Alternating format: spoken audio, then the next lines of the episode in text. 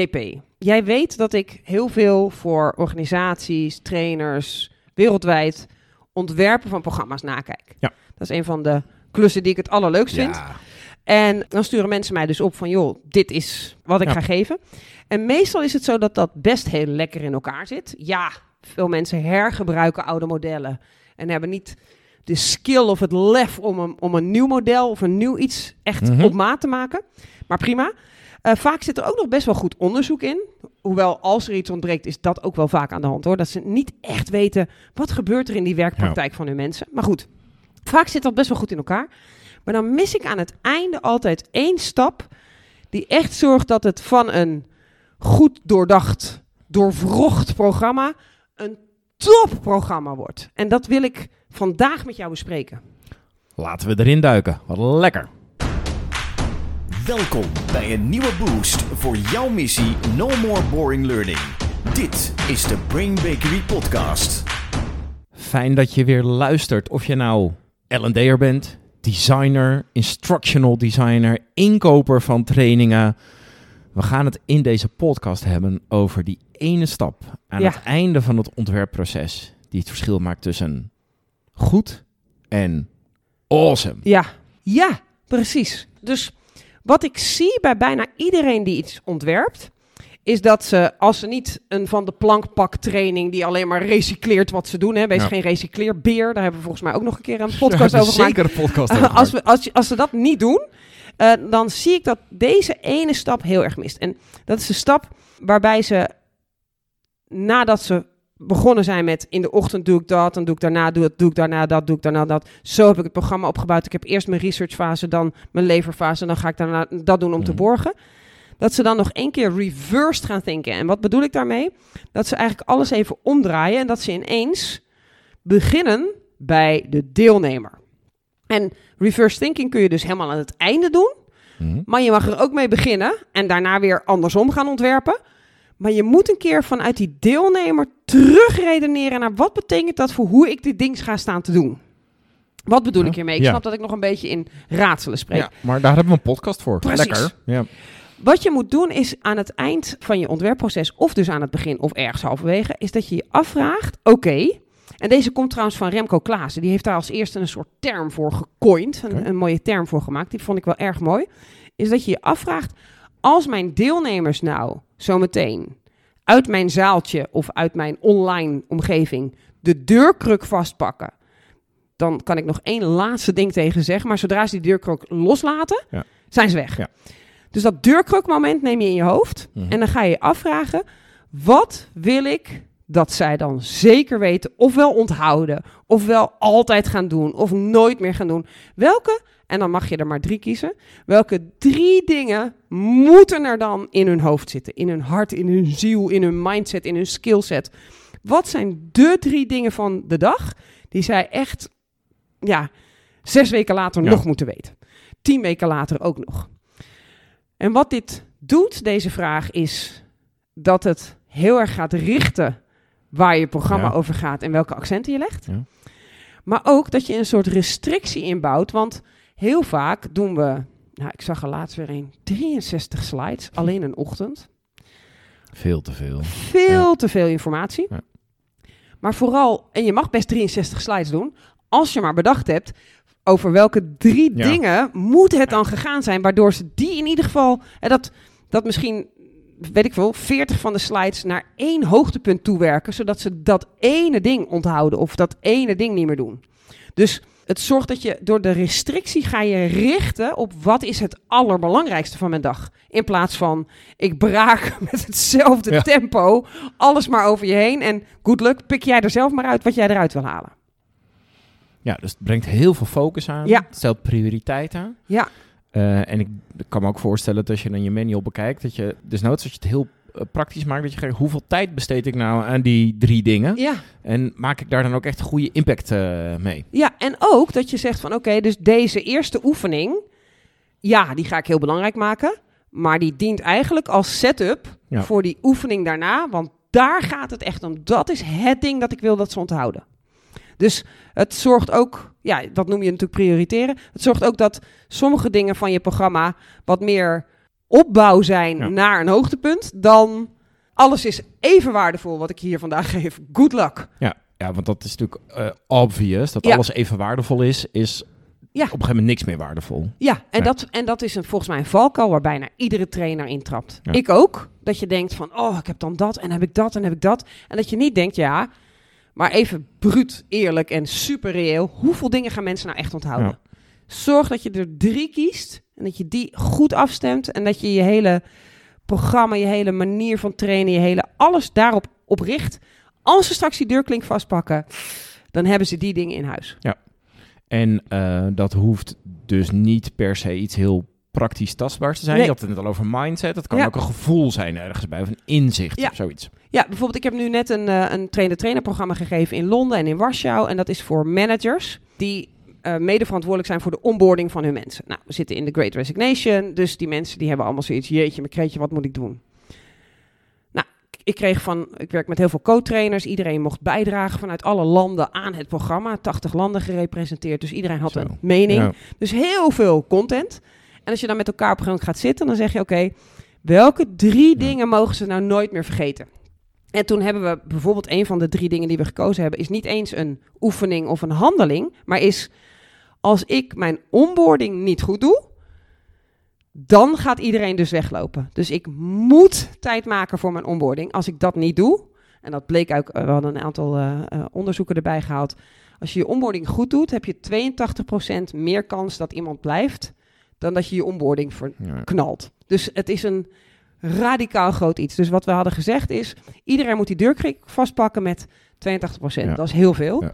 I better do good. Wat ik ook doe, die onboarding, die, moet, ik goed. ja, en dan gingen we, ging de rest van de tweedaagse ging over hoe doe je Ja. dat dan goed? En daar hadden we ook een aantal accenten in gebracht. Maar die hoofdboodschap, oh my god, ik ben een lul of een lor als ik niet zorg dat mijn onboarding goed is. Ja. Dat was een van de drie die we gekozen hebben. Dus inderdaad, het kan ook een niet-skill, maar een overtuiging, een mindset zijn. Lekker. Oké, Ja. dus in het reversed thinking zit, Level 1, en dat is dus de de deurkruk. Ja. De deurkruk. Ja. welke? Welke drie? Ja. En als je echt niet kunt kiezen, mag je naar vier, maar nooit naar vijf. Het is verboden. Ik hoor gewoon mensen, ik hoor gewoon luisteraars denken, ah zes, zes Ja, kan toch ook? dat toch ook? Nee, nee, probeer naar die drie toe te komen. Ja. Want dan ga je echt... Ja, je merkte aan al die trainers ook dat ze met veel meer vaart gingen trainen, omdat ze wisten, deze, die moet echt overkomen. Dit is ook leuk en ook Ja. interessant. En ik vind het ook heel fijn als je het onthoudt, hè? want je zegt niet, onthoud de rest van de dingen niet. Maar dit zijn de hoofdpunten waar we het aan het op willen, Ja. willen hangen. Oké. Dus dat is level 1. Ja. Level 2, en om dan een beetje uitbreiding op die deurkruk te doen, is: oké, ze hebben nu die deurkruk vastgepakt. Ze zijn weggegaan uit het leerlokaal, uit de plek waar ze met jou waren. En ze lopen nu door de gang. Welk gevoel hebben ze nou in die gang over wat ze geleerd hebben? Wat zeggen ze tegen zichzelf? Welke self-talk hebben ze over, over de training? Wat wil ik dan? Wat zou mijn droom zijn? Ja. Dat ze dan zouden zeggen over de training. Dus de training is klaar. Ze lopen al door de gang. Wat wil ik dat ze overhouden? Wil ik dat ze overhouden? Wauw, ik voel me totaal empowered om nu die onboarding goed te gaan doen. Om even in dat voorbeeld te blijven. Of, wow, ik ben gewoon echt onder de indruk van wat voor een gaaf vak ik heb. Of, ah, dit was zo'n lekkere training. Ik denk echt dat ik morgen gewoon weer fijner werk heb door wat ik nu geleerd heb. Wat wil ik dat ze eigenlijk emotioneel Ja. in hun eigen reflectie na afloop van de training tegen zichzelf zeggen? En geloof me, als je dat niet bedenkt, dan hebben de meeste trainers het effect van, nou, Was de dag zit erop. Ja. Het Ja. was niet onaangenaam. Prima. Ja, want ik moet natuurlijk meteen de sprong maken naar uh, Kirkpatrick level 1. Hoe vond je de training? Nou, dan zeggen inderdaad mensen leuk, gezellig, Ja. inspirerend, leerzaam, dat soort dingen. Maar dat is niet het niveau waarop dit moet zitten, hè? Nee, dit is, dit is ook niet een evaluatiemodel, maar Nee. dit is meer een... Met welk gevoel stuur ik ze nou weg? Ja. Eh, Weet ik dat? Wil ik, wil ik zorgen... Met welke richting geef ik ze emotioneel gezien over vandaag? Ik kan meer dan ik dacht. Ik had laatst een heel groot congres voor, ehm, voor leerkrachten. 550 eh, leerkrachten en leerprofessionals van, van scholen. En ik dacht, ja, hoe wil ik ze nou wegsturen? En ik weet, leerkrachten die komen om in Ja. de administratie. Die moeten zo verschrikkelijk veel lesplannen inleveren. Het is, echt dat ze nog om mogen kijken naar de leerling is bijna gewoon aan, aan de orde van de dag. Dus ik dacht, hoe ik wil dat ze weglopen, is weer verliefd op hun eigen vak en op hun leerling. Hoe kan ik mijn stuk wat ik mag doen, daarop inrichten? Hoe kan ik dat gevoel overbrengen? En ik had daar bijvoorbeeld een storytelling bij over mijn meester. Ehm, ik, nou ja, ik zal even een bekentenis doen. Mijn ouders waren niet zo heel erg van de mode en het mooi zijn, maar meer van het intellectuele. Dus mijn haar werd vaak niet gekamd. Want ja, dat doet er niet toe hoe je haar zit. Want het gaat natuurlijk om wat je allemaal weet. En ik weet dat op een gegeven moment in de vijfde klas, groep 7 is dat tegenwoordig, Mhm. voor alle mensen die wat ouder zijn, had een meester had op een gegeven moment een kam op zijn tafel liggen. Heel toevallig. En die kamde regelmatig in de klas kinderen hun haar eventjes. En dat, de, voor de cynische denkers, het ging niet om een luizenkam, dit ging gewoon over Ja. kammen. En bijna altijd zat ik erbij. En ik weet dat ik een soort ervan genoot dat iemand bezig was met mij een beetje mooier maken.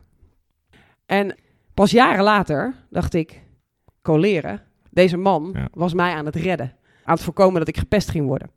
Dus dat verhaal heb ik gedeeld. En toen heb ik aan al die leerkrachten en leerprofessionals en onderwijskundigen gevraagd... Hoe vaak heb jij nog zo'n kammoment met een leerling? Hoe vaak zie je die leerling? Zie je wat hij of zij nodig heeft? En probeer nou eens wat vaker zo'n kammoment te doen. Nou, dat is die emotionele Ja. manier waarop je ze naar buiten wilt laten gaan. Het idee van, wauw, daar gaat het om. Ja, ik moet een lesplan inleveren. Ja, ik moet dat allemaal doen. Ja, ik moet vergaderen. Ik heb daar 10 minuten gesprekken. Maar hoeveel kammomenten kan ik deze week creëren? Dus de tweede vraag na de deurkruk kwam, hè, naar de deurkruk eh, eh, vraag, is hoe voelen ze zich in de gang over Ja. zichzelf, over hun vak, over de dag? En Ja. dat is niet simpel, nou, het was een fijne Nee, dag. en dus niet over de training aan zich, Nee. maar over het gevoel dat de training heeft veroorzaakt Over, in, in hun- hen. Ja, ja, over hun werk. Ja. Ja. Dat is het tweede level. ja, ja. heel duidelijk. Dan vermoed ik dat er nog een derde Ja, is. er is een Ja. derde. Dat is ook de laatste. We gaan niet naar vier. maar op het moment dat je dan echt richting wilt geven... en dit voor sommige mensen wordt het nu misschien een beetje te spiritueel hoor. Prima. Mag gewoon. Gewoon uitzetten, die podcast. Gooi hem uit. Wat je ook nog wilt, is als mensen dan die gang uitkomen... Hè, ze hebben de deurkruk gehad, ze komen door die gang... dan komen ze weer in het echte leven. Wat wil je dan dat ze doen? Anders dan dat ze niet uit jouw training zouden zijn gekomen. Dus een vraag die ik zou willen dat je stelt is... Stel, ze zijn bij jou op de training effectief vergaderen geweest. Ja. En ze hebben daar best wel wat inzichten gehad over luisteren, mensen uit laten praten, zorgen dat iemand aan bod komt. Stel nou dat ze uit die gang zijn gelopen, ze voelen zich goed over zichzelf, ze hebben zin in de volgende vergadering, whatever. En ze komen thuis en daar zitten hun drie kinderen om de tafel en hun partner. En ze gaan aan tafel met elkaar. Wat doen ze nu? Ja. Hebben ze iets meegekregen van effectief vergaderen, waardoor ze ineens denken: mijn kleine Rashid, die zegt nooit wat. Laat ik die nou eens het woord geven. Of laat ik eens ingrijpen als, Als- zusje A weer over zusje B heen schreeuwt. Hoe kan ik dat wat ik geleerd heb, daar heb ik nu zo'n ja, nieuw gevoel bij, dat ik het bijna niet kan inhouden om het te doen. Dus dit gaat ook over impact in de wereld buiten de werkomgeving. Precies. Ja. Want ik denk namelijk dat als je je dat niet invraagt, afvraagt, maar alleen maar denkt, nou, ik hoop dat ze hierna in de vergadering een effectievere vergadering leiden, dat je impact alleen richt op dat moment. Ja. En ik denk, ik denk dat dat vroeger wel kon. Hè? Dat vroeger was je werk en je privé. En daar zit gewoon een hele grote scheidslijn tussen. En die moeten we ook zo houden, want thuis gedraag ik me heel anders dan op mijn werk. Die tijd is voorbij. Ja. Kijk eens naar al die mensen die massaal tijdens COVID hebben ontdekt. Wacht even, ho, ho, ho. Wat ben ik eigenlijk aan het doen? Waar draag ik eigenlijk aan bij? Het is heel belangrijk dat wij als trainers ook meenemen. Wat kan dit waar het vandaag over gaat, leiderschap, vergaderen, time management, wat kan dat ook helpen in het gewone leven? Ik gaf een training en die ging over werken met je hart in de zorg. En toen had ik me voorgenomen, als mensen nu naar buiten lopen, en ze, ik wist dat ze in, allemaal in een enorme parkeergarage eh, stonden, Hmm. en ze komen iemand tegen, want ik heb dat nog wel eens, die hun auto niet kan vinden. Dan wil ik dat mijn mensen die in die training hebben gezeten, dat ze die persoon spotten. Dus dat ze gewoon zo open zijn, dat ze zien, hier loopt iemand die is heel ongelukkig. En dan wil ik dat ze massaal gaan helpen en gaan zeggen, hoe kan ik je helpen? Ik stap in mijn auto, het is hartstikke koud, ik rij een rondje en dan druk jij de hele tijd op je knop. En dat ze anderen blij gaan maken. Of als ze met het openbaar vervoer gaan, dat ze opstaan voor iemand die Ja. binnenkomt die dat nodig heeft. Op het moment dat ik dat voor me zie, ben ik een ander mens terwijl ik sta te trainen. Ja. Want dan draai ik niet mijn lesje af, maar dan ben ik de wereld een stukje mooier aan het maken. Zonder dan te gaan zeggen, als jullie straks weggaan bij het parkeren, moet je wel. Ja. maar meer, ik richt mijn energie en mijn aandacht ergens anders op. En dat is het derde level. Dat is voor sommige mensen misschien heel spiritueel en moeilijk. Maar het maakt je training wel 3000 keer gaver. ja, dat lijkt me ook, want je, je put een hele andere energiebron eh, aan in jezelf. Ja. Ja. En ook als je een trainer bent of een L&D en je doet wel eens leeractiviteiten. Hoe gaaf is het niet als iemand na de derde keer dat je elkaar gezien hebt... of ineens via LinkedIn weken later even zegt... hey, thuis gaat het nu ook een stuk Ja. beter dankzij de... Ja. Hoe gaaf is het niet als het niet alleen over dat ene onderwerp is gegaan... en dat ene, die ene plek, maar over... Ja. Wow, je kan er nog veel meer mee op andere plekken. Het trekt je als het ware naar een hoger level, waarin het meer gaat over wie je bent dan over wat je doet. En ik denk dat dat het mooie is van dat derde level. Ik heb het zelf ook wel eens mogen ervaren dat inderdaad deelnemers weer terugkwamen en zeiden of iets met kinderen of partners. En je voelt gelijk een soort heilig vuur in jezelf branden. Dat je denkt, ja, dit is, dit is de impact die Ja, je wilt maken ja. natuurlijk. Oh, ik weet Ja. het. Ik weet een voorbeeld wat jij gaf. Dat was zo mooi. Toen ging het over de rode draak. En te- dat had jij gegeven. En toen kwam er iemand terug. En die had thuis met een kindje dat Ja. toegepast. Ja, ja, die zei, eh, mijn zoontje die kan zich heel erg opwinden over dingen. Ik ging hem altijd eh, zeggen, ah, het valt wel mee, het valt wel mee, het komt wel goed. Ja. Nou, dat werkte niet zo Nee. goed. Dus die eh, had de tip toegepast om zich mee op te winden. En hij zei, hij werd kalm.